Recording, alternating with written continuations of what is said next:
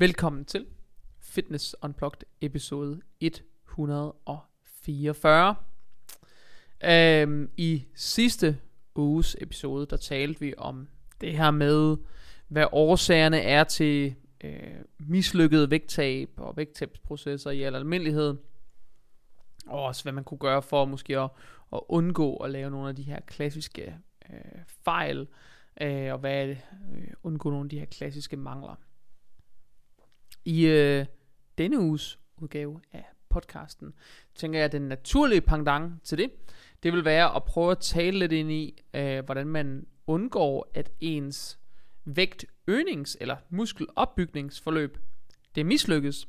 Fordi øh, faktisk er det lidt en ting, at mange af dem, som prøver det her med at øge muskelmasse, de lykkes ikke sådan helt vildt godt med det. Øh, og det er der nok nogle forskellige forklaringer på, hvorfor de ikke lykkes med. Men faktum er det, at hvis man kigger ned i det lokale fitnesscenter, du nu træner i, øh, prøvede at lave en rundspørg dernede, og så øh, øh, lytter lidt efter, hvor mange der egentlig har forsøgt at øge muskelmasse, og så prøver at holde et øje med, hvor meget de egentlig øger muskelmasse, eller hvor, sådan, hvor meget de ændrer sig øh, igennem, lad os sige, bare 12 måneder. Så tror du, du vil finde ud af, at, at hovedparten af dem, der kommer i de lokale motionscenter, de ligner dem selv. De ændrer sig faktisk ganske lidt, eller nærmest ikke. Øhm, og det er en af de ting, jeg kan huske fra, jeg startede med at træne, særligt det var, at de fleste, man, man så, de kommercielle centre kom, det var noget andet, da jernhulerne var der før, der var det jo nogle meget dedikerede mennesker, der typisk trænede, ikke? Men, men da, øhm, da de kommercielle center pludselig lavede indtoget, og man, man kom ind i sådan et for første gang, så kan jeg huske, at jeg begyndte at lægge mærke til, at de samme mennesker kom på de samme dage, på de samme tidspunkter, og alle blev bedre, og alle blev ringere, men de blev fandme heller ikke bedre. De ændrede sig faktisk overhovedet ikke. Øhm, og de blev ved med at dukke op, men der skete ikke noget. Og rigtig mange af dem, de har med al sandsynlighed prøvet og forsøgt, men øh, ikke nødvendigvis fået det ud af det, som de har ønsket. Og det er også noget af det, jeg kan høre på folk, at øh, jeg har mødt mange, som har haft et, et øh, sådan et øh, mislykket øh, vægtøgningsprojekt, eller et, sådan et fejlslagent vægtdødningsprojekt, fordi for nogen kan de øge vægten rigtig meget, men får faktisk nærmest ikke øget muskelmassen, og kommer til at kæmpe med at rive for meget vægt af igen bagefter. Øh, mange øh, har problemer med at få, få vægten til at gå op, og få muskelmassen til at komme, eller få skabe styrkeprogression, eller hvad det nu er. Der er rigtig mange ting, der går ind i det her, og jeg tænker egentlig, det kan være meget fint at lave en pangdang, fordi det skaber egentlig lidt sådan en selvhjælps, øh, et selvhjælpsafsnit for jer, som ønsker det øh, og som ønsker det her med at, at bygge noget mere kød på kroppen hen over, øh, hen over forårsmånederne, øh, forårsmånederne her. Så, øh, så det håber jeg selvfølgelig, I kan bruge til noget. Ligesom i sidste afsnit, så vil jeg komme med den her opfordring og sige til jer, hvis der sidder nogen af jer derude, som ønsker noget hjælp til jeres... Øh, til facilitering af noget vægttabsproces, muskeløgningsproces, en kombi af, af nogle ting, altså sådan et meget langstrakt forløb med flere forskellige processer i. Øh, så kører jeg på min online forløb, det her performance coaching øh, koncept. Der øh, har jeg lavet det sådan, at øh, i bindingsperioden, der kan man øh, få øh, premium forløbet til basisprisen Øhm, og det vil sige, at der er en besparelse på omkring 700 kroner. Man får noget mere indhold. Det er mere indhold. Det er et videokald om øh, måneden, eller en teams, øh, op til en teams videokald om måneden, øh, hvor man får mulighed for at bruge det til noget øh, kognitiv kostvejledning, mulighed for at bruge det til øh, strategisamtaler, mulighed for at bruge det til sådan øh, bare almindelig sparring, eller hvad man nu sådan har brug for, og det, det ved jeg, det er noget af det, der er med til at fastholde folk i deres processer, og det har sådan ligesom været min måde at sige, prøv at det, det gør vi her i januar, der er syv spots øh, ledige, og øh, det er lidt først til mølle. Så øh, hvis der sidder nogen af jer derude og siger, okay, det er tænkt over et stykke tid, eller det kunne jeg godt tænke mig, eller jeg har nogle, mm, jeg har nogle gode bud, eller nogle de rigtige idéer, eller et eller andet, så kunne jeg rigtig godt tænke mig at høre fra jer. I kan sende mig en DM på Instagram, I kan sende mig en DM på Facebook, I kan sende mig en e-mail, øh, og I kan også øh, udfylde kontaktformularen på min hjemmeside. Øh, det hele står i beskrivelsen øh, nede under, øh, under podcast øh, afsnittet her. Så, øh, så hop ned og find din, din foretrukne øh, øh, måde at kontakte mig på. Efterlad gerne dit telefonnummer, hvis du skriver på Facebook, Instagram eller e-mail, øh, så jeg kan ringe dig op. Det er ofte lidt hurtigere end det her skriveri frem og tilbage, øh, så lidt nemmere at forsøge at fange folk og komme til at tale med dem om det. Øhm, så gør endelig det, og så, øh, så glæder jeg mig til at høre fra jer. Øhm, januar ud, der er syv spots, det er først til Mølle. Jeg ved ikke på nuværende tidspunkt, hvor mange der har kontaktet mig efter det første afsnit, så jeg tænker, at det er først til Mølle, og så, øhm, når der ikke er flere pladser, så er der ikke flere pladser, men så kan man komme på venteliste, hvis man gerne vil det. Øhm, men, øhm, men det er sådan, det er. og nu tænker jeg egentlig, at vi skal til, til dagens afsnit, og øh, med mig til at styre slagets gang, der har jeg min, øh, min trofaste øh, lydmand, Glade Jakob. Yes, sir. Velkommen til, Jacob. Tak. Kan du øh, lige at sidde derovre i min sofa? Ja, den er meget blød. Den er lidt for blød, faktisk. Er den det? Ja. Til dig? Uh, ja, den er faktisk træls at sidde Okay. Træls at sidde i. Er Måske Ikke, længere perioder, men øh, ja, den er den meget blød i det, Okay. og sådan meget øh, dyb, og sådan, ja. kan du ikke lide dybe sofaer? Det er det, jeg Øh, bedst kan lide. Ja, men hvis du øh, prøver at blive kærester med en, der er 20 cm lavere, så finder du ud af, at det er et problem. Nå, nu har jeg jo så det problem, at min kæreste er... Er 8 meter højere end dig, Ja, så Ja. det øh, har så vi hun ikke. kan sidde i alle sofaer. Ja, øhm, en ting det er jo, at øhm, vi kan ikke ligge i ske i vores sofa næsten, fordi den er, der er ikke sådan, den er ikke så dyb, så jeg kan godt lide dyb, altså sådan, bare generelt, hvor du kan ligge og sådan, jeg, jeg kan godt lide at smide mig i en sofa, sådan, jeg kan godt lide store sådan, Ja, jeg forestiller mig som Ja. sådan en stor Sankt Bernhard i en... ja øh, præcis, i en, ja, det gad jeg godt have plads til. Øhm, Ja, altså, du var. Nå, jamen det er jeg også, jeg elsker at slinge mig i sofaen. Ja, ja. Øhm, ja, muskeløgning. Øh, det er sjovt, fordi de fleste, der træner cash, du kan jo godt træne sådan relativt seriøst, men også casual stadigvæk, ikke også? Jo, det er der jo nok Øhm, mange, der gør sådan lidt on-off altså- i nogle perioder. da jeg trænede meget, der vidste jeg jo, jeg kunne jo bare se, at jeg så i gåseøjen flottere og flottere ud, men jeg vidste jo i princippet ikke, hvor meget jeg tog på i muskel. Altså, du ved sådan, Nej, der var jo ikke noget kontrol med det, og jeg gjorde ikke sådan... det er også svært at kontrollere ja. ordentligt. Og, og sådan, det var jo ikke fordi, at jeg sådan spiste sådan, havde hyperoptimeret min kost, hvis du ved, hvad jeg mener. Nej. Jeg spiste jo bare sådan, øh, du ved, sådan lidt på det der bro size, sådan bare en masse kylling og salat og ris og æg, og så skulle det nok gå, ikke også? Så jeg tror da, at de fleste sådan casual, de hverken sådan ved helt rigtigt, hvordan man skal gøre. Jeg, jeg har fandt også ud af, at mange, du ved sådan, når du træner noget, for eksempel ryg eller ben, eller så har det meget at gøre med for eksempel, hvordan dine fødder er placeret, hvad for en øh, Mhm. muskel du træner, og det tror jeg ikke de fleste casual, de tror et benpres er et benpres, og så er det ligegyldigt, altså hvad du gør, hvis du ved, hvad jeg mener. Så sådan Ja. nogle ting tror jeg rigtig mange sådan amatører, øh, som Bare de fleste er jo amatører. ja, men du de ved fleste- sådan, Dude, ah, når jeg går rundt sådan og underviser i sådan et gym, mm. så er jeg sådan nogle gange sådan, så kan jeg godt tage mig til hovedet og tænke, shit, der er med med mange herinde, som laver noget lige nu, hvor jeg bare tænker, du spiller din tid, du spiller din tid, du spiller din tid, og du spiller din tid. ja, Altså, og det er hovedrystende og sker alt for hyppigt. Når jeg øh, står ned og træner, det gør jeg jo ikke så meget lige for tiden. Øh, jeg er jo en af dem, der har meldt mig ud efter corona. Øh, jeg meldte mig faktisk ud, da vi lige fik Otto. Men anyways, øh, når du går ned i centret der, jeg tænker tit, dude, ham der, han ødelægger sin ryg inden for de næste fem år, fordi han bare træner den så radikalt forkert. Du ved sådan, dem der, der siger, jeg kan tage 50 kilo i den her øvelse, og så sådan buer de ryggen som Quasimodo eller et eller andet for at, at få den op eller ned, eller hvad det nu er, de skal. Og så tænker man, ikke nok med, at det er forkert, så har du også potentiale i at få øh, virkelig dårlig ryg af det der. Altså- Mm. Ja, okay, nu er der sådan lidt, det er lidt et radikalt eksempel, det der. Men du så kommer tit, jo... Så tit ser man det ikke. Nej, at der nej. er nogen, der laver noget, hvor man tænker, Jesus, pas på dig selv. Øhm, på den Men- måde. Men, og noget af det, man også skal tage højde for, det er, at ryggen kan holde til mange ting. 90% af rygskader ved man ikke præcist, hvorfor opstår. Man kan ikke sætte mm. En årsag på. Okay. Så det er sådan en... Men Men jo, selvfølgelig, man ser nogle crazy ting en gang imellem, og man ser nogle tåbelige ting en gang imellem. Ja. Øhm, og man ser også nogle ting en gang imellem, hvor man tænker, hvor fanden har du set det der henne? Altså, Ja. hvad, har, hvad, hvad laver du lige nu? Ikke? mm, Og det må man bare acceptere og embrace. Ja, ja. At, og det er jo noget af det, man skal huske der også. Man, man, kan jo ikke, man kan jo ikke blande sig, man kan jo ikke bede folk om at gøre noget andet. Man kan ikke, det er jo folks eget liv. Folk gør, sådan er som det jo med alt. Du går Ja, ja, heller ja, ikke hen til en tyksak og si- altså mig og siger sådan, hey, tag en salat. Altså, det, du kan jo ikke gå ret på alle mennesker i hele verden hele tiden, så man Nej, er jo bare nødt til at... Og det skal man, og det skal Nej, man heller og det ikke. skal man heller og, ikke. og noget af det, og, og faktisk en pointe, som nu lever jeg jo sammen med en psykolog til daglig, mm. og en af hendes ting, sådan, det er, at laver jo rigtig meget sådan noget konflikthåndtering mm. og sådan noget øh, på sit job. Og en af de ting, som hun er sådan, altid meget sådan med, du skal ikke give nogen råd, der ikke har bedt om det.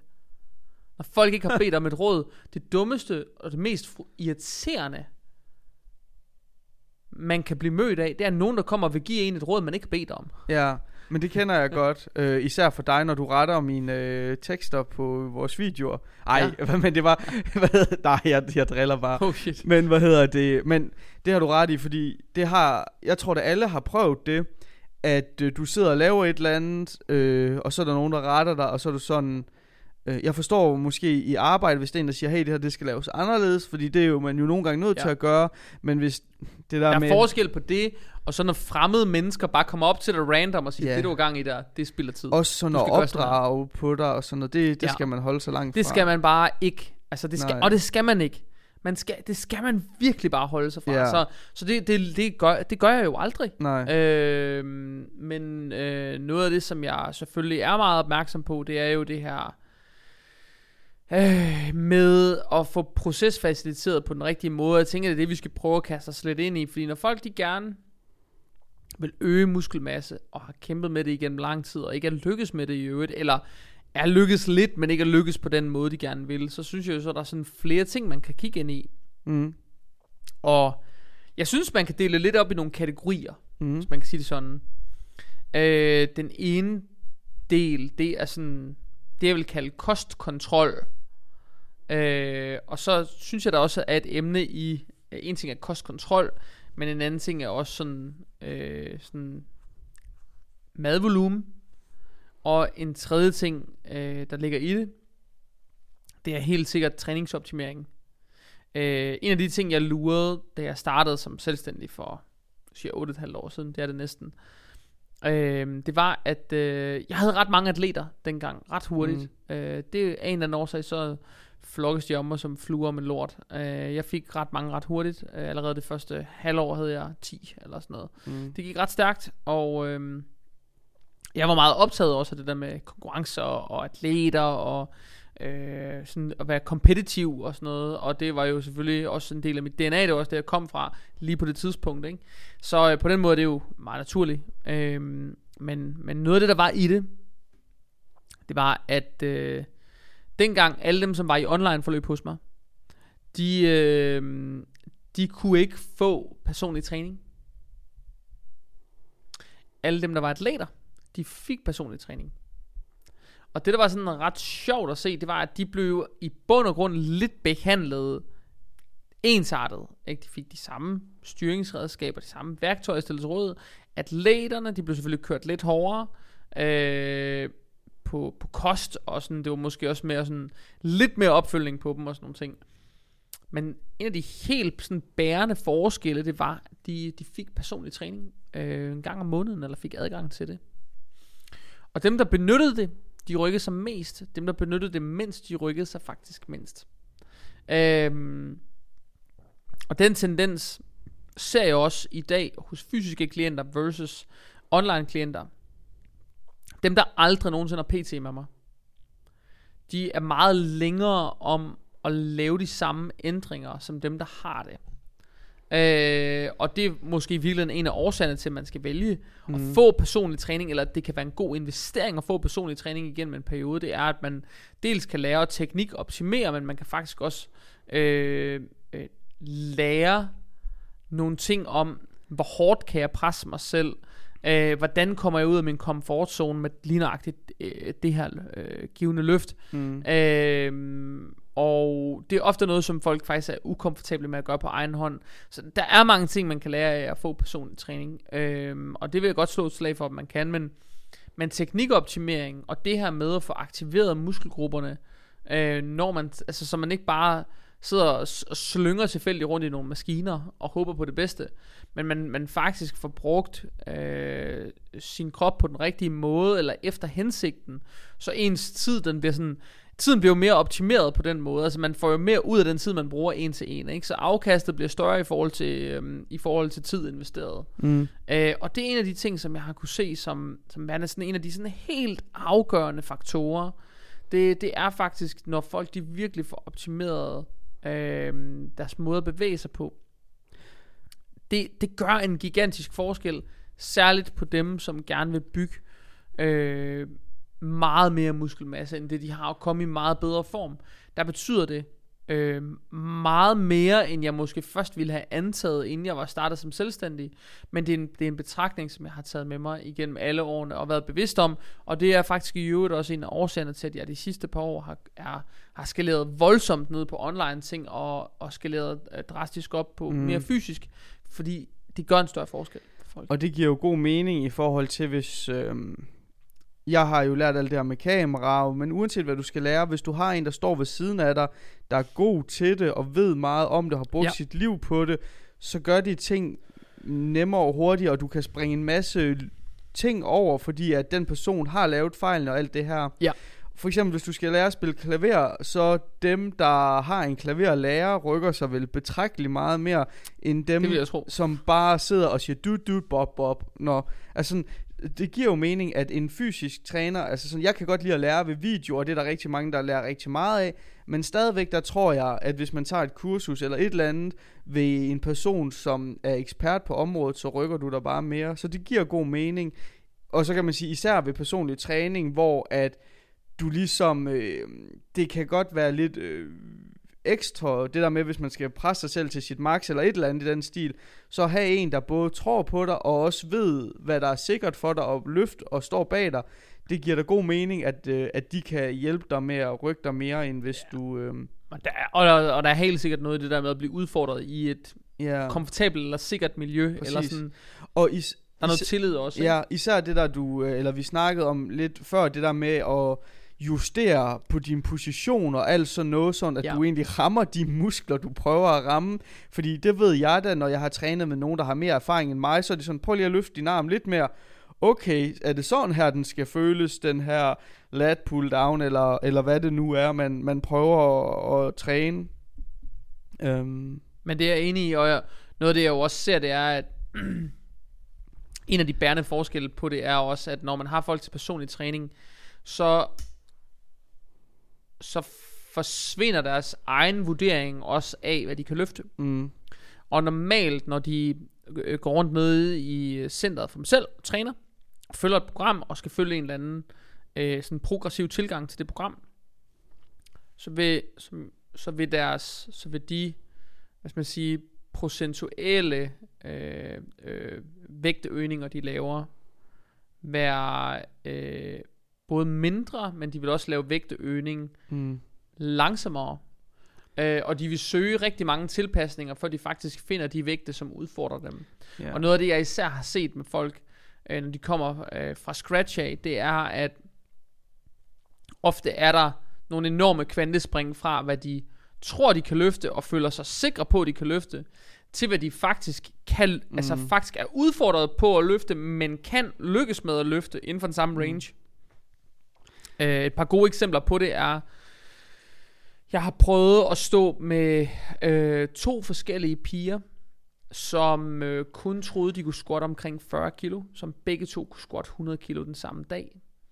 Øh, jeg har prøvet en gang for mange år siden, kan jeg huske, at en af de øvelser, som jeg brugte rigtig meget til piger, som gerne ville øh, bygge større baller, det var jo hip thrust og glute bridge. Mm. Øh, jeg kan huske en pige engang, som ikke uh, tog udfordre sig selv med mere end 40 kilo i en glute bridge.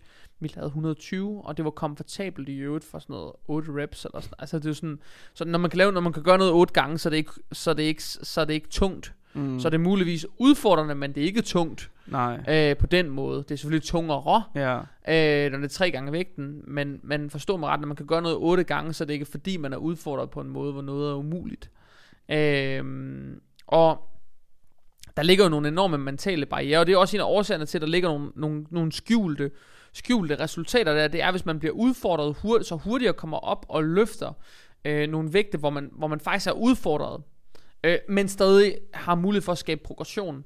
Øh, og man får lavet sine tilpasninger hurtigere, øh, fordi man hurtigere bliver sikker på det, og der hurtigere står en anden øh, fagperson og siger, prøv at det, det kan du godt, eller bare justere vægtene efter øh, sådan, øh, sådan visuelt fysisk overskud. Mm. Jeg justerer jo ikke vægte efter, hvad folk de siger, de kan. Mm. Jeg justerer ofte vægte efter, hvad jeg vurderer, de kan, baseret på, hvad gjorde de i sættet for inden. Altså hvis, hvis noget virkede relativt nemt, jamen, så justerer jeg vægten mere, end hvis noget virkede relativt svært. Øhm, og det, det er noget af det, som, øhm, som, som fysisk træning for eksempel også kan, det er, at man får, man får brudt nogle barriere langt hurtigere, man får langt hurtigere lavet nogle tilpasninger til sine programmer. Ja. Det betyder, at man kommer til at udfordre sig selv med langt tungere vægte. Og det vil have en, en, øh, en virkelig positiv påvirkning på ens, øh, på ens muskelmasse og tempoet for, hvor hurtigt man øger muskelmasse. Øh, måske særligt i starten mm. Af ens, øh, ens proces. Ja. Det vil det. Absolut. Øhm, I forhold til det, vi snakkede om i sidste afsnit med det her, øhm, at drenge kommer lidt senere til, i, i, det er erfaring, og det tror jeg bare sådan, det, altså sådan, sådan er det jo med alt. Jeg tror, at drenge, vi er meget sådan, vi gør det, og når vi kan komme videre, så åbner vi manualen, hvor piger, de læser den lige først, og så går de i gang. Eller hvad man skal sige. Det er sådan, jeg har igennem mit liv med de drenge og piger, jeg har mødt, det er sådan, Ja. den er. Øhm, og der tror jeg, hvordan ser du det så med, når det kommer til sådan noget muskelstigning? Øhm, dem, der kommer med sådan noget, øh, er, er det sådan folk, der har prøvet, øh, er, kommer, er det fyre, som øh, bare lige skal have rettet, ligesom vi sådan snakkede om før, skal de lige have rettet nogle, øh, Ej, Nogle det, greb, det er ikke eller- noget på det niveau. okay, Det er ofte... øh, Det er drenge og mænd, er der nok flere af, der kommer med det specifikke ønske, end der Ja. er kvinder. I hvert fald det har været min oplevelse. okay, Hvor kvinder er nok lidt mere disponeret for at komme og søge hjælp til vægttab, mm, hvor drenge og mænd nok er lidt mere disponeret for at komme og søge hjælp til en muskelopbygningsproces, mm. eller en eller anden samlet proces, som yeah. indeholder en lang muskelopbygningsfase, og så for eksempel afsluttet af en diæt. mm, Øhm, det har i hvert fald været min oplevelse gennem årene. Øhm, og det hænger måske også lidt sammen med det her med, at for kvinder, det er ikke helt vildt feminint at blive meget stor, eller sådan føle sig stor. Så det, det piller ved den der sådan feminine grundindstilling, hvis man går rundt og føler sig stor. ja, Og det er ofte en af udfordringerne, jeg har med piger og kvinder, når de er i sådan, altså når de kommer ægte og giver udtryk for, at de gerne vil øge muskelmasse. Når man så faktisk kommer i gang med det, så skal man ikke ret mange kilo ind i det, før de begynder øh, og, øh, og sådan udtrykke en eller anden form for sådan, ikke, man vil sige ubehag, men at det sådan er lidt ubekvemt og både føle sig større, men også sådan fysisk være det. mm, Øh, tøjet begynder at stramme lidt, og sådan, alting bliver lidt sværere, og man føler, man trækker vejret hårdere, og man føler, man, og det kan være virkelig et par kilo, ikke? Så der er også noget bias i det, hvor, hvor den oplevelse har jeg ikke med drenge og mænd på samme måde. De er nok mere sådan, altså det er nok også mere macho, at være stor som mm. mand, end det er som kvinde, ikke? Også det der med sådan, åh, jeg er fyldig i buler, og alting det er spændende og flot, ikke? Ja. Det, det er nok bare mere maskulint. Ja, og det tror jeg sådan, og det er jo igen uden at fornærme nogen, men jeg tror da, det er det, drenge og piger, de generelt søger. Altså sådan, øhm, og, og det er jo også fair nok, øhm, kan man sige, øh, at det går den vej. Altså det er i hvert fald Ja, ja, de, langt, det de fleste, langt de fleste søger de ting, der føler Ja, jeg. ja, ja, ja, lige præcis. Lige præcis. Så, så det er i hvert fald en observation, jeg har gjort mig over, at det... Øh, der er måske sådan en lidt mere... Der er sådan en acceptfase, Mm. måske, hos piger og kvinder, Ja. som slet ikke er der i lige så høj grad for drenge og mænd. Nej, jeg, jeg, det er, jeg skal nok, man skal nok se det, men jeg vil skyde på, at det er de færreste drenge, sådan, sådan, mine arme er bare blevet mere, altså det er ikke særlig fedt, Hold arme, de er bare, det er ikke rart, mine altså- arme de er blevet store. altså de strammer alle mine trøjer ved bicepsene, og sådan, altså det, det er, har du hørt det endnu? ja, nej, Nej, okay. jeg har øhm, Men det er det, jeg mener, det er jo sådan Ja. grundindstillingen, ikke? Og, Ja, og jo måske især fordi vi lever i sådan en tid, hvor mm, den androgyne mand, ja, ham som... Altså, vi lever i en tid, hvor det er ikke ualmindeligt at gå på en gågade. Sådan, hvis man går og observerer folk en sommerdag, det er ikke ualmindeligt at se flere par, hvor kvinden har større biceps end manden, mm. og hvor Mhm. hun er mere sådan volumøs og muskuløs at se på at udseende end hendes mandlige partner ved siden Mhm. af. ja. Det er ikke ualmindeligt. Det er ikke ualmindeligt at se mænd med mere feminine træk end deres kvindelige partnere. Og det synes jeg er vildt underligt. ja. Altså det er vildt underligt. Og det, og det er nok også en af årsagerne til, at når mændene så endelig bliver eksponeret for det, og finder sådan, åh, alting vokser, alting fungerer, mm, så er det også, øh, så føles det måske også meget nice. ja. Men jeg, det, er en, det er en af de ting, jeg har undret mig vildt meget over. Det er det der med, når man ser de der par, hvor kvinden er mere maskulin at se på, end manden er sådan i klassisk forstand i Mhm. hvert fald. Det, det synes jeg altså er en lille smule... Øh, det er sådan... det trigger altid min hjerne lidt jo, især fordi, at jeg er jo vant til at sidde og se på det her fra et perspektiv, hvor Mm. mændene vil gerne være meget maskuline, Ja. øh, og kvinderne vil ofte jo gerne fremhæve deres feminine træk. Hvis Ja. de skal tage på, så skal det helst være på ballerne og på skuldrene, så de får en flot vipsetalje, og de får Ja. nogle flo- en flot numse, når de skal på stranden, eller de skal i en lovkort kjole, eller de skal et eller andet, ikke? ja. Det er sådan en, det er lidt, det er lidt spøjst, men det er jo, Det er nok, nok bare en del af den tid, vi lever Det er i. en ikke? tilvændingsfase garanteret, at man skal se de her, fordi det kan jo være, når du ser dem, at han går til fodbold, og hun går til øh, vægtløftning, eller hvad man skal sige, hvis du ved, hvad jeg Ja, ja, mener. men det er der ikke noget Og forkert. Nej, nej, nej. Det, og, det, og, det og jeg vil sige ofte, det er jo nogle, det, det er nogle naturlige kropstyper. Hvis du aldrig Ja. har lagt mærke til det, så prøv at lægge mærke til det. Det er nogle naturlige kropstyper. Det er ikke Mm. nogen, fordi de dyrker et eller andet. Nej, Det er bare, sådan de ser ud. ja. Det er med garanti ikke nogen, der ser sådan ud, fordi de lige dyrker et eller andet Nej, særligt. nej. Det er et fænomen, Ja. og der vil sidde nogen, der lytter til den her podcast, som nikker til det her, hvor de har lagt mærke til det. ja. øh, når de er på ferie, eller når de er på en god gade, eller når de er et eller andet. Man lægger måske ikke så meget mærke til det, når folk har øh, de lange vinterfrakker der på, men man lægger mærke til det, når folk ikke har så meget tøj på. Så lægger man mærke til det her fænomen, hvor mændene er sådan lidt skravlede at se på, lidt for tynde, lidt for sådan, lidt for magre, lidt for lidt kød på kroppen. Og så kommer kvinden ved siden af og har rigtig mange af de træk, som manden måske i klassisk forstand gerne Ja. ville have haft, men som af, den her, af en eller anden årsag ikke har. ja. Øhm, og det er jo ikke fordi, jeg skal sidde sådan og stereotype mænd mod kvinder, nej, nej. men det er bare min oplevelse i hvert fald, at mænd sjældent brokker sig over at få større muskler, men øh, kvinder ofte er lidt mere biased til ikke mm. at bryde sig om for enten følelsen af at blive større, eller det faktisk at blive større. Ja. Ja. Hvad hedder det i forhold til det her? Øhm, er det så noget, der skabes i centret, eller er det en blanding med øh, kosten derhjemme også? At hvad skabes i centret? Øh, vi snakker jo om muskelopbygning. Ja. Øhm, altså sådan, hvor hvis man... Øh, vi har jo snakket meget om det her før, men det er jo bare sådan lidt, at sådan... Skal man bare starte med at tænke på centret, og så være lidt ligeglad med det derhjemme, eller skal man Men- have begge dele? Altså, Men en spørgsmålet er egentlig sådan relevant nok, fordi at noget af det, der jo er lidt interessant ved, når folk de begynder at træne, det er, at de i starten af deres træning kan lave nogle ret store resultater, rykke deres fysik ret meget, uden i øvrigt overhovedet at gå op i, hvad de spiser. Hvor de måske slet ikke ændrer øh, kostvaner overhovedet. I dag er øh, tiden selvfølgelig sådan, at folk ofte begynder at gøre enormt mange ting på en gang. Øh, fordi der er øh, meget viden til rådighed på det her område. Øh, men min oplevelse er faktisk, både på egen krop, men også med alle andre, at du, du kan faktisk, hvis du bare begynder at vægttræne, og aldrig har gjort det før, så skal din krop jo lave nogle naturlige p- tilpasninger. Så jeg vil sige, jo mere begynder man er, desto større resultater vil man nok kunne lave uden kostmæssige ændringer. Jo mere øvet man bliver, desto flere øh, kostmæssige ændringer skal der nok til for at skubbe bagpå. Hvis det var det, du spurgte om. Ja, nå, men det, var, det var jo faktisk det, jeg spurgte ind til i forhold til, at... Øh, men sådan er det jo ved meget, både med vægttab og træning og alt det her, det er, at øh, du skal jo starte et sted, så enten der er du nødt til at starte med kosten eller træningen, og så skal det andet jo så, alt efter dit ambitionsniveau og dit behov Mhm. jo, skal det andet jo så også justeres øh, Ja. ind for det. Og det er jo... Øh, ja, det er jo en af de ting, som jeg synes... Jeg snakkede før, øh, da, da, vi, da vi lavede indledningen, der snakkede, mm. vi snakkede jeg om sådan tre punkter. Den ene var sådan det her med måden, man træner på. Den anden er noget med kalorievolumen, og den tredje er sådan øh, kostsammensætning.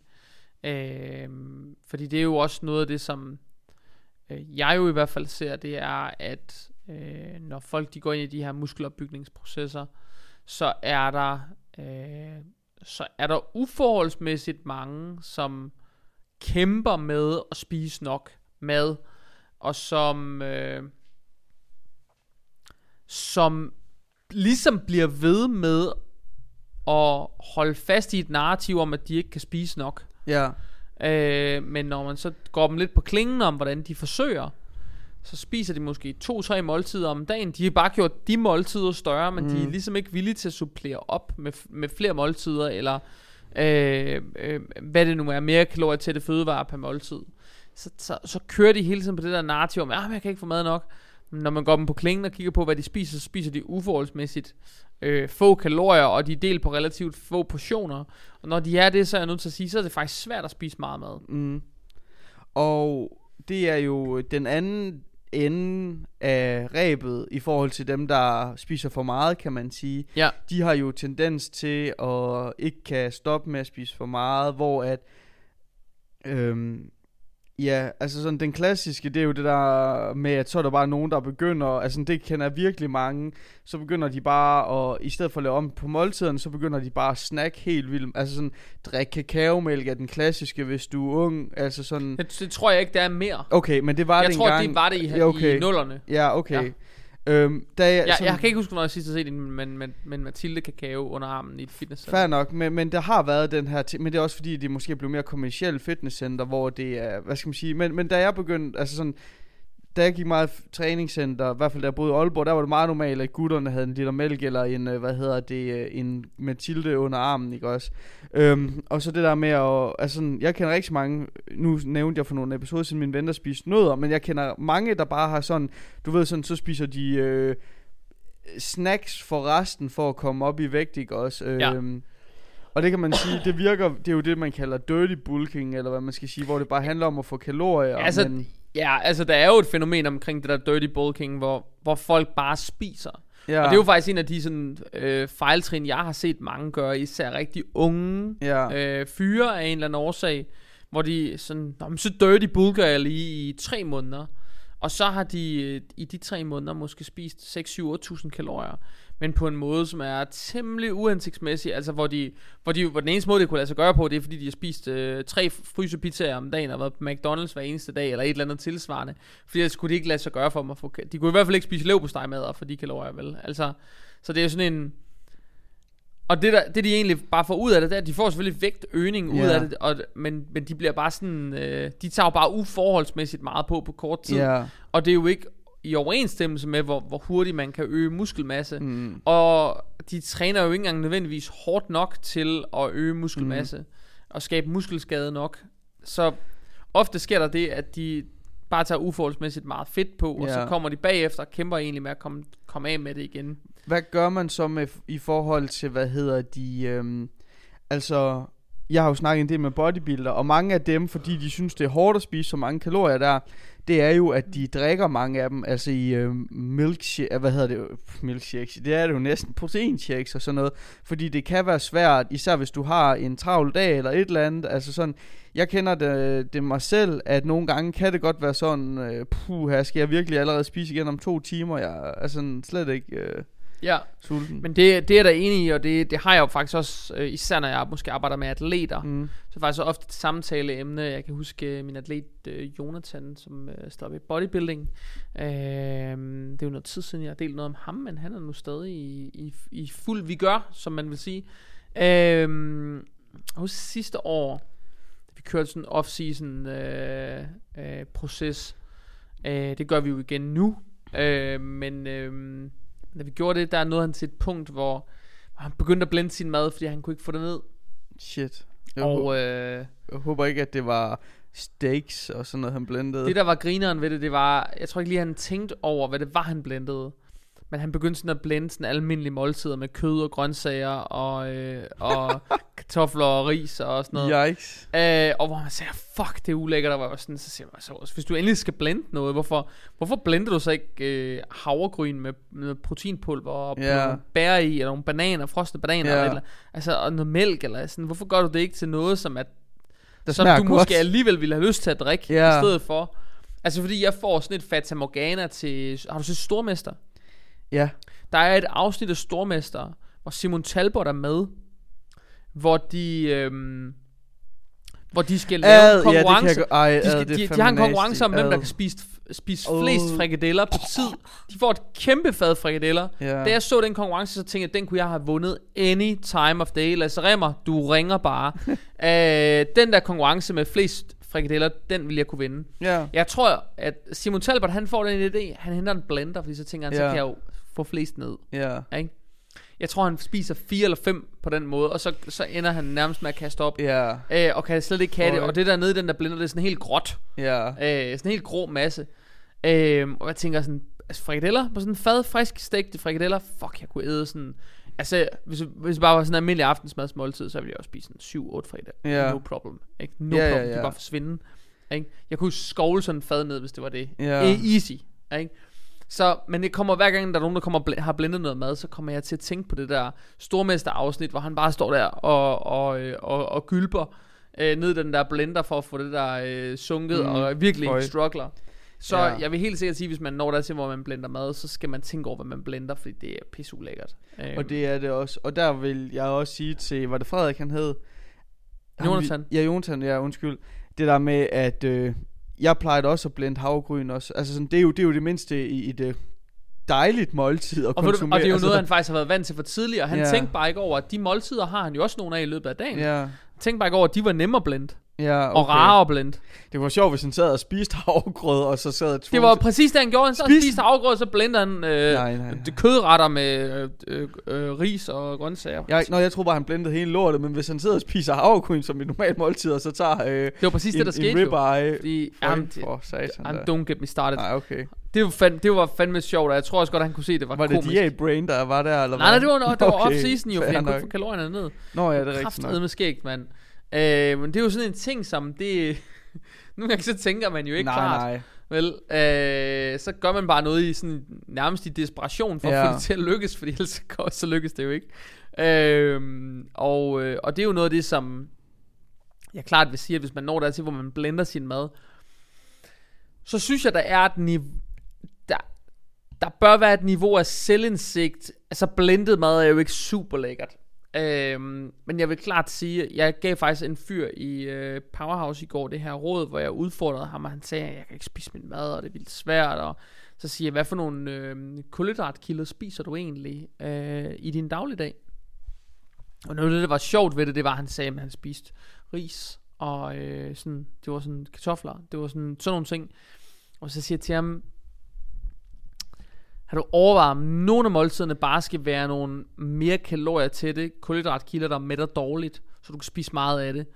Toastbrød, for eksempel, ristet toastbrød, øh, øh, pizzabrød, de gode pizzabrød. Øh, man kan få nogle som sådan nogle stenovnsbagte, nogle man får på frost, man kan smide de gode i øvrigt. Mm. 250 kalorier på stykke, ikke? To af dem er 500 kalorier. Ja. Ikke? De mætter på ingen måde. Der er nul mæthedsværdi nærmest i dem. Ikke? Mm. Altså, hvor hvis du skal sidde og skovle ind for 500 kalorier øh, øh, kogte ris, så kan jeg fortælle dig så meget, Det er at øh, meget... det er en del. ja. Ikke? Der er været øh, lige på den anden side 350 kalorier i 100 gram.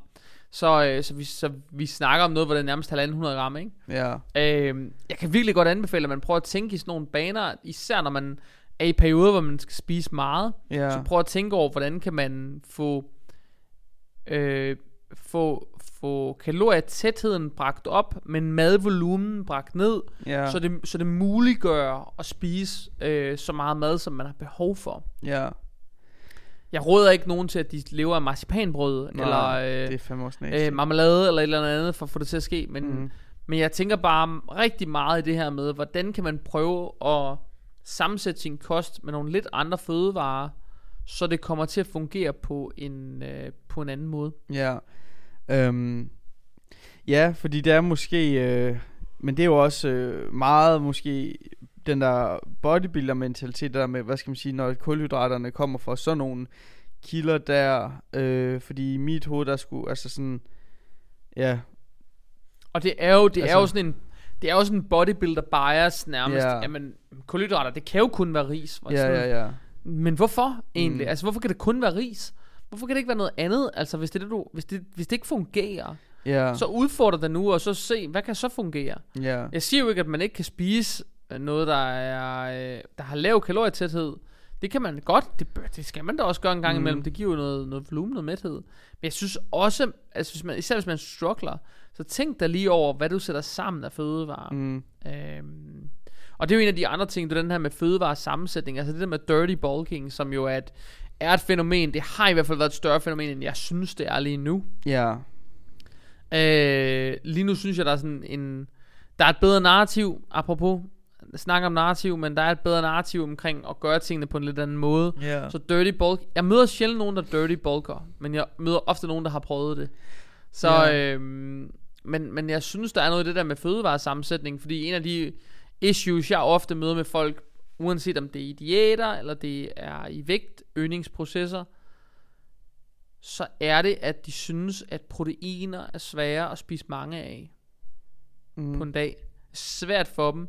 Og derfor ender deres øh, kost ofte med at være sammensat af, når de øger kalorierne, så ender det oftere med at være mere fordelt på fedt og på kulhydrater, Mhm. mm. end det egentlig gør på protein. Og prote- man ser ofte nogen, som har et relativt lavt proteinindtag, selv ved relativt højt kalorieindtag.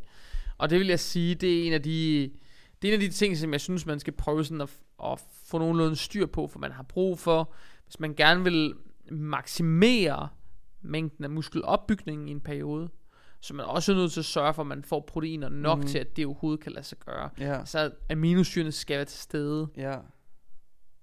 Øhm, men det er jo vel også derfor, der er så mange, der tager proteinpulver for at få proteiner nok, tænker jeg. Altså, fordi det er jo vel en god måde at, at få de der skide proteiner nok, altså i stedet for at, også i en tid, hvor et kød måske er lidt dyrere, end man er vant til, Ja. eller hvad? Øh, ja, det tror jeg ikke er noget, folk sådan tænker helt vildt meget over endnu, men, men ja, det er jo rigtigt nok, men, øh, men jeg synes, øh, ja, jeg synes helt sikkert, at proteinpulver er en god, eller en del af løsningen, kan være en del af Ja. løsningen. Øh, hvad får man på en scoop? Der får man 20-25 gram, afhængig af, hvad man køber, ikke? Nå, okay. Hvis man Så- skal Hvad siger du? ja, hvis man skal have sådan 180 gram, eller hvad Ej, man skal. det er jo ikke nogen, der så kun spiser i proteinpulver, så spiser det jo forhåbentlig Ja, ja, ja. i løbet af dagen, ikke? Ja, præcis. Altså dem jeg kender til, de får måske en shake eller to i løbet af en dag, ikke? En shake om dagen er der nok mange, der får. Mm. Nok mange flere, der får en shake om dagen end to om dagen. ja. Uh, men jeg vil sige, at, at det med proteinerne, det er noget, folk de struggler med i Ja. almindelighed. Det er det.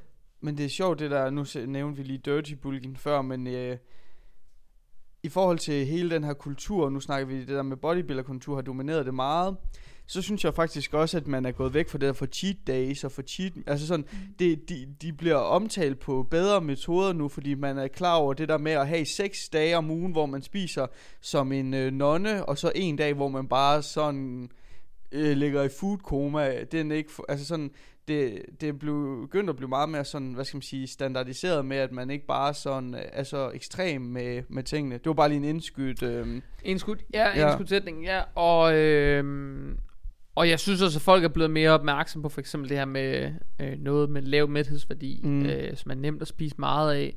Mange er jo begyndt at bruge de her cereals, eller morgenmadsprodukter hedder det jo nok på dansk, ikke? Øhm, og, øh, og det er jo, det er jo en, også en fin måde at gøre nogle ting på. Mm. Øh, det gør det i hvert fald meget lettere tilgængeligt og hurtigere at tage Mm. med. Og, øh, men øh, jeg tror, det her fænomen omkring cheat days og det her, at det er jo noget, som det er blevet debunket så meget de Ja. sidste par år, men jeg tror ikke, det er noget folk i deres vægtøgningsprocesser, jeg tror ikke, der er fyldt ret meget der, øh, særligt fordi de har fået kalorier nok, mm. og ofte måske spiser lidt ekstra ting rundt omkring for at få nok. Mm, Øhm, men jeg vil 100% sige, at det faktisk, hvis man har svært ved at få kalorier nok ind, hvis det det er et problem, man sidder og siger, at man ikke kan få nok at spise, så, øh, så er der jo noget i det der med, som jeg siger, at spise mere kalorier til det fødevarer. ja, Og det kunne jo også godt være, at man gik ud og spiste noget, øh, noget fast food. ja, Altså, at det var en del af planen, at man spiste noget med, en, med høj kalo- kalorietæthed regelmæssigt.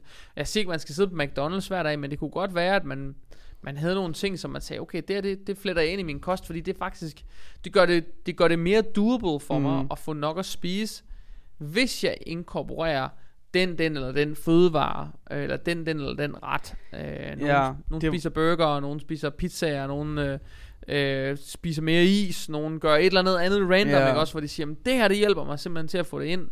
Øh, så kan man sige, okay, men hvis det er det, der skal til, så i nogle scenarier, så kan det jo godt være en hjælp i en periode til faktisk at få det til at fungere igen. ja.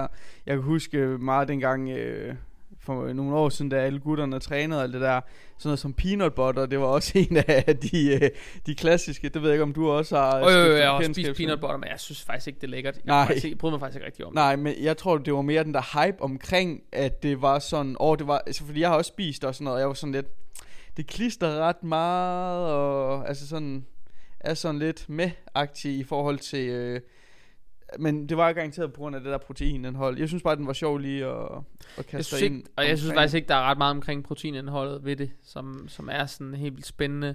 Nej, Jeg synes ikke, peanut butter er nice. nej, Altså, det har aldrig været noget for mig. Jeg ved godt, der er mange, der spiser det, og det er meget øh, amerikansk. ja. Men øh, Altså, jeg er heller ikke fan af det. jeg synes ikke, det er noget specielt lækkert. Jeg synes, det var altså. tørt, og så skulle man altid have det på riskiks. Og så Det var det dobbelt nemlig- tørt. De er nemlig virkelig tørt, og så spiser man en pariskik, så bliver det dobbelt tørt. Ja. Det er rigtigt.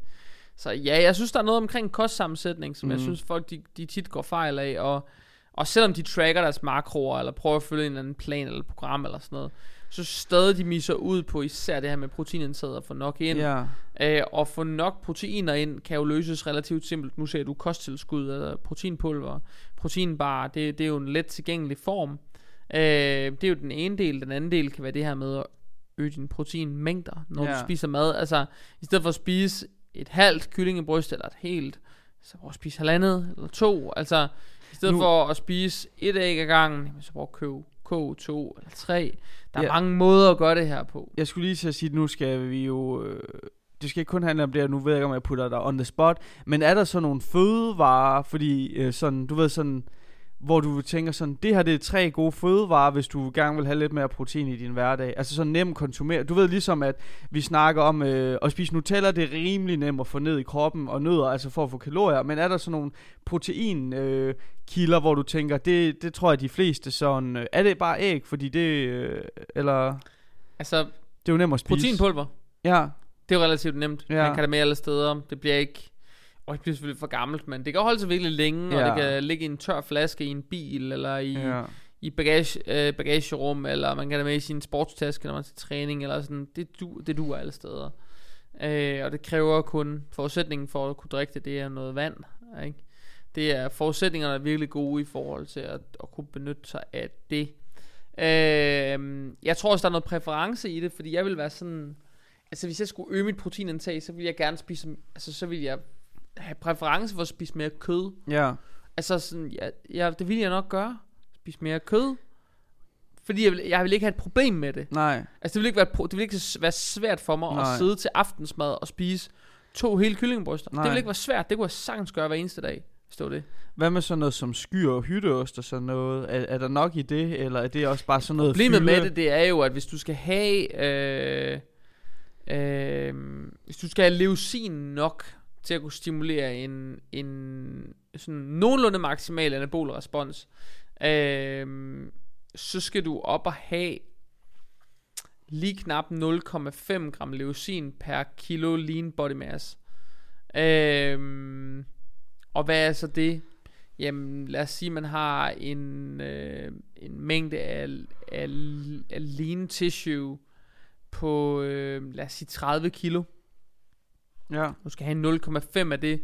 Så skal du have øh, 15 gram leucin, hvis leucin cirka er 10% af, øh, af for eksempel kød, altså proteinerne i kødvarer.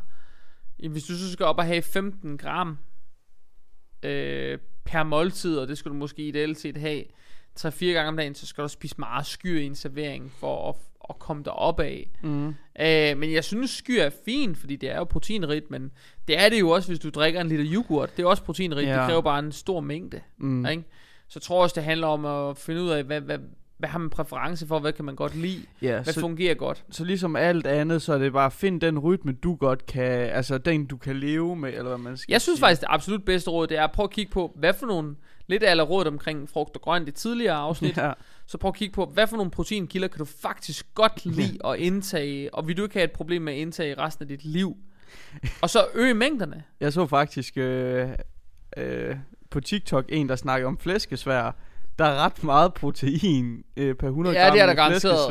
Øh, Jeg det tror har jeg aldrig lige tænkt over. 65 øh, gram per 100 gram, tror jeg faktisk, det er. Der er en gang griseryg der, men det Ja. kan godt være der. Det, det aner jeg ikke, det har jeg aldrig tjekket. Hap sådan en... Øh, nej, men det var bare det var apropos proteinsnakken. Men øh, fair nok. Er der andre ting, du tænker i forhold til det her med, hvordan man skal øh, komme altså sådan videre med sin muskelopbygning hed? Altså det der med, hvordan man ikke går i stå, eller hvordan øh, folk, der ikke progresserer, hvordan de sådan kan lave progression, øh, sådan uden at skulle øh, ændre alt. Jeg tror, det er øh, rimelig vigtigt at føre noget, øh, en eller anden form for noget logbog. Yes. Før en eller anden form for, have en eller anden form for kontrolindsats med, hvad du laver. Øh, dokumenter, hvad du laver på en eller anden måde. Før nogle små noter. Før en komplet logbog. Øh, gør et eller andet. Det tror jeg, du... have nogle tracking sheets for kropslig udvikling, øh, track på, hvor meget din løft de udvikler sig osv.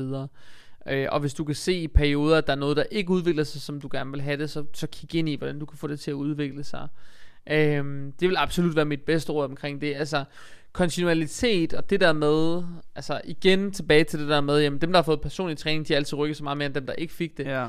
Jeg kan sige lige så meget, at dem som trackede deres træning, ligesom jeg bad om, versus dem der lod være, de opnåede meget bedre resultater. Tror du ikke, at det har noget at gøre med, hvad skal man sige, at man lidt står til ansvar? Altså, hvis du har en personlig træner, et, du har betalt for det, men du føler også lidt, at det er som at stå til ansvar over for din træner, ikke også? Ligesom hvis du går til fodbold, så har du... Jo, men jeg har jo også mødt mange, som står til ansvar over for en træner, men som ikke får tracket deres træning. Okay, men, men jeg mener, det her med så at track den i en bog, når de selv træner sådan noget, at det på en måde er med til sådan, at Øh, det er noget, jeg ikke har gjort. Jeg, jeg har prøvet det lidt i perioder, men jeg har trænet meget sådan, øh, lasse faire sådan med... Øh, Nå, det var vel 32, jeg løftede, altså sådan, så nogenlunde, og så ja, kom der ja, nogle ja, ja, gange for mange ja. øvelser med, og så glemte man lidt, hvor man var i de forskellige ja, øvelser. Ja, ja, ja, I get it. Så, jeg, så jeg tror, det, det er 100% sådan noget med at stå til ansvar. Ja. Det hjælper en med, med både at bevare overblik over ja. hele processen, Øhm, jo mere data man har til rådighed, jo nemmere er det også typisk at være objektiv, ja. i stedet for subjektiv. Og, øh, og ja, som du siger, man står til ansvar, men det gør man jo over for sig selv. Ja, men det er også godt en gang imellem at gøre det. Det er det, og, og noget af det, jeg tror, man, man vil finde ud af, det er, at i de fleste andre processer, ja. hvor man skal dygtiggøre sig og blive bedre, der vil man tage noter undervejs. Man vil forsøge at arbejde objektivt med det. Øhm, og øh, man vil have brug for at, sådan, at løse nogle basale opgaver, for ja. ligesom at få sådan, lært et nyt craft. Mm. Ikke? Det er det der med at lære et nyt håndværk. Altså, ja. det, det, det er ikke så nemt. Nej. Det er det ikke. Men de fleste, der træner, jeg tror også, at de går meget, hvad skal man sige, øh, ignorant ind til det, i forhold til, at det er bare lige at løfte nogle vægte, ikke også? Fordi som vi har snakket om igennem hele podcasten og i alle afsnit og sådan noget, at der er mange ting til det. Det er mikrojusteringer hele tiden, optimeringer og sådan noget, for at mm. du mhm. reelt set får noget ud af det. Ja. Så, så det har helt sikkert noget med, med det at og gøre. Det, og, det, og det er det, og der er rigtig mange, som ikke ved det, fordi de sådan, ej, jeg har ikke lyst til at slæve rundt på en notesbog under min træning, så ligner jeg sådan en nørd, eller sådan, yeah. hvor jeg bare sådan, Jesus, hvis det er de største problem, at yeah. sådan, så ser du lidt nørdet ud, eller sådan, som om du faktisk går lidt op i det, du laver, så er nødt til at sige, fuck, så har man nogle seriøse problemer, hvis det er ens største problem. Ja, prøv at øhm, forestille dig, hvis du gjorde det på din arbejdsplads. Ej, jeg vil ikke virke som om, at jeg tager det seriøst, hvis du ved, altså, ja. det kan, du er jo nødt, altså sådan, respekt. Men prøv at forestille dig på din arbejdsplads, hvor mange gange man sidder og tager nogle noter, ja. eller sidder og skal arbejde med et eller andet skriftligt, ja. eller skal sidde og lave en præsentation, mm. eller skal gøre et eller andet whatever. Ja. Ikke? Efter det er der mange mennesker, der gør hver dag, som ikke har nogen problemer med det. Som ikke har nogen problemer med at sidde og gøre det foran deres kollegaer, men når yeah. de så kommer ned i fitnesscenteret, så har de vildt store problemer med mm. at gå rundt med en notesbog og notere yeah. deres løft, for eksempel. Og det er jo helt sikkert en barriere, man bare skal over, men jeg synes helt øh, bestemt, at det er, altså, det er et rigtig godt værktøj, og jeg tror, altså, der er sgu ikke nogen, der griner, hvis du går rundt med en notesbog. Og hvis du har så store problemer med det, så kunne du måske bruge din telefon som notesbog. Hvis, altså sådan, det bruger trods alt alle mennesker i et fitnesscenter sin telefon alligevel, hvis du ved, hvad jeg mener. Så kan du føre Lige den præcis. derpå. Lige præcis. Og det er der mange, der gør. Altså, jeg kender der mange, der, der skriver ind. Der, I dag er der faktisk nogle forskellige apps, som, som kan tage som kan tage imod data til yeah. tracking fra, øh, fra vægttræning. Yeah. Øh, så det kan lade sig gøre. I dag, jeg laver for eksempel alle, apropos måden, jeg laver online coaching på, og programlægning også til PT-klienter. Det kører alle sammen i sådan et Google Sheet. Mm. Så vi har, de har hver deres Google Drive. I princippet har de en lille mappe. Og der lægger jeg alle deres, deres datasheets ind, og der lægger deres programmer også. Og det vil sige, de kan faktisk skrive deres programmer direkte fra mobiltelefonen, når de står til træning. Øh, det har faktisk i øvrigt været... Øh, det har faktisk i øvrigt øget... Øh, øh, hvad skal man sige, succesraten i forhold til få tracket træning betragteligt mere, fra den gang, hvor jeg lavede programmer, man selv skulle printe ud og have med i fysisk format, der, der lykkes folk bedre med at få det gjort på appen. Øh, og måske handler det også om, at når de ikke gør det på appen, så kan jeg se det. Mm. Det ved jeg ikke. Det kunne jeg jo ikke se før, når de gik med det i papirformat. Der kunne jeg jo ikke holde øje med det. Nej, Men, du men no øh, way to og jeg er ikke sådan, jeg sidder og holder øje med folk i øvrigt. Jamen, jeg ved ikke, om der er en, en bias i, at de ved, at jeg kan gå ind og se, om de har udfyldt Ja. det. Det er ikke sådan, Pia, jeg har lige været inde og luret, og du har ikke lavet dine lektier. Pia for Puha. fanden, nu er det tirsdag. Har du Puha. ikke været op og træne to gange? Puha. Du Ej, får sådan er det 0-2 i den her uge. Sådan er det ikke. Nej, nej. Men det er jo tit, at, at øh, hvis jeg for eksempel skal lave et nyt program til nogen, eller skal Ja. ind og opdatere et eller andet for dem, men så kommer jeg jo til at kigge ind i deres programmer, ikke også? Og så vil det være meget tydeligt for mig, hvis der er nogen, som for eksempel øh, pludselig er langt bagud, eller Ja. sådan flere uger bagud i forhold til, hvad jeg forventede. Øh, det bliver jo pludselig meget tydeligt. Ja, så, øh, så ja, så det fungerer virkelig, virkelig godt at få skrevet ned. så er du også måske nemmere ved at skrive, eller sige, når man mødes, eller et eller andet sådan, hej, er der gået noget galt her, eller får du det bare ikke brugt, eller et eller Lige andet. præcis, og det er faktisk lige præcis tit min approach, hvor jeg siger, "Men prøv at jeg har jeg var inde og lure lidt i dit program, og jeg kan se, at, at der er noget her, som enten ikke udvikler sig sådan, som jeg ville forvente i udgangspunktet, mm. at det ville, når naturligt ville gøre øh, for andre i, i samme situation, eller sådan, her ser det ud som om, du løfter sådan uforholdsmæssigt lidt i forhold til, hvad jeg egentlig ville tro, du kunne. Øh, er der noget, der udfordrer dig? Ikke? Og så ligesom tage den der, Øh, og ofte er der jo et eller andet, der udfordrer dem, hvor man så kan hjælpe dem til at komme over den hurdle, og det er jo også tilbage til det der med, at dem, som får fysisk personlig træning, de rykker så ofte markant hurtigere, Ja. fordi de kommer over de der hurdles undervejs, de kommer over de der udfordringer, øhm, og, øh, og, og det betyder bare, at de bryder nogle barriere langt hurtigere. Ja. Langt hurtigere. Ja. Godt. Nice. Skal vi parkere den her, Jacob? Ja, det synes jeg. Jeg ja. synes, det har været et fint afsnit, og vi har været omkring det hele, og jeg føler, at der er måske, altså, der er jo ingen grund til at trække den bare for at trække Jeg skulle lige så sige, at vi har været igennem noget af det hele, og jeg tror, øh, jeg tror at det her, det, det godt kan fungere som sådan et groundwork, eller et, et blueprint for, hvordan, hvad, hvad, kan, hvad skal man gøre, hvad skal man ikke gøre, agtigt. Mm. Øh, jeg håber, I som lytter, I føler, at der er blevet stillet de rigtige spørgsmål. Øhm, hvis ikke, så er I mere end velkommen til at sende mig en DM, eller hvis der er noget, I ikke forstod, eller noget, I ikke sådan helt kan huske, eller et eller andet, så send mig en DM, eller så hop ind og lyt podcasten en gang til. Det kan være, det, det, det så faktisk øh, lykkes i, i andet hug, at øh, forståelsen den stiger der. Øh, men ellers så vil jeg ikke sige så meget andet, end at jeg håber, I alle sammen, ligesom opfordringen i forrige afsnit, øh, vil hoppe ind og trykke abonner eller følg på, øh, på podcasten, hvis I lytter til den og får den anbefalet hver uge, men ikke har fået det gjort endnu, så håber jeg, I vil gøre det, fordi at, øh, det, det, det gør mig simpelthen virkelig, virkelig glad, når jeg kan se dels, at det stiger, fordi det fortæller mig noget om, at alle dem, som sidder og som sidder sådan og lytter sådan lidt i en, i en øh, som, som lytter perifært, øh, ikke nødvendigvis lytter hver uge, men som lytter regelmæssigt i øvrigt øh, på afsnit, men som ikke giver til kende, at de abonnerer. Det, det påvirker desværre øh, podcastens placering i, i algoritmen, og derfor er det bare en kæmpe hjælp, hver gang I går ind og, og, og viser, det her, det kan jeg godt lide. Så det håber jeg selvfølgelig, at I er endnu flere, der gerne vil gøre. Og øh, ellers så lyttes vi ved igen i, øh, i næste afsnit.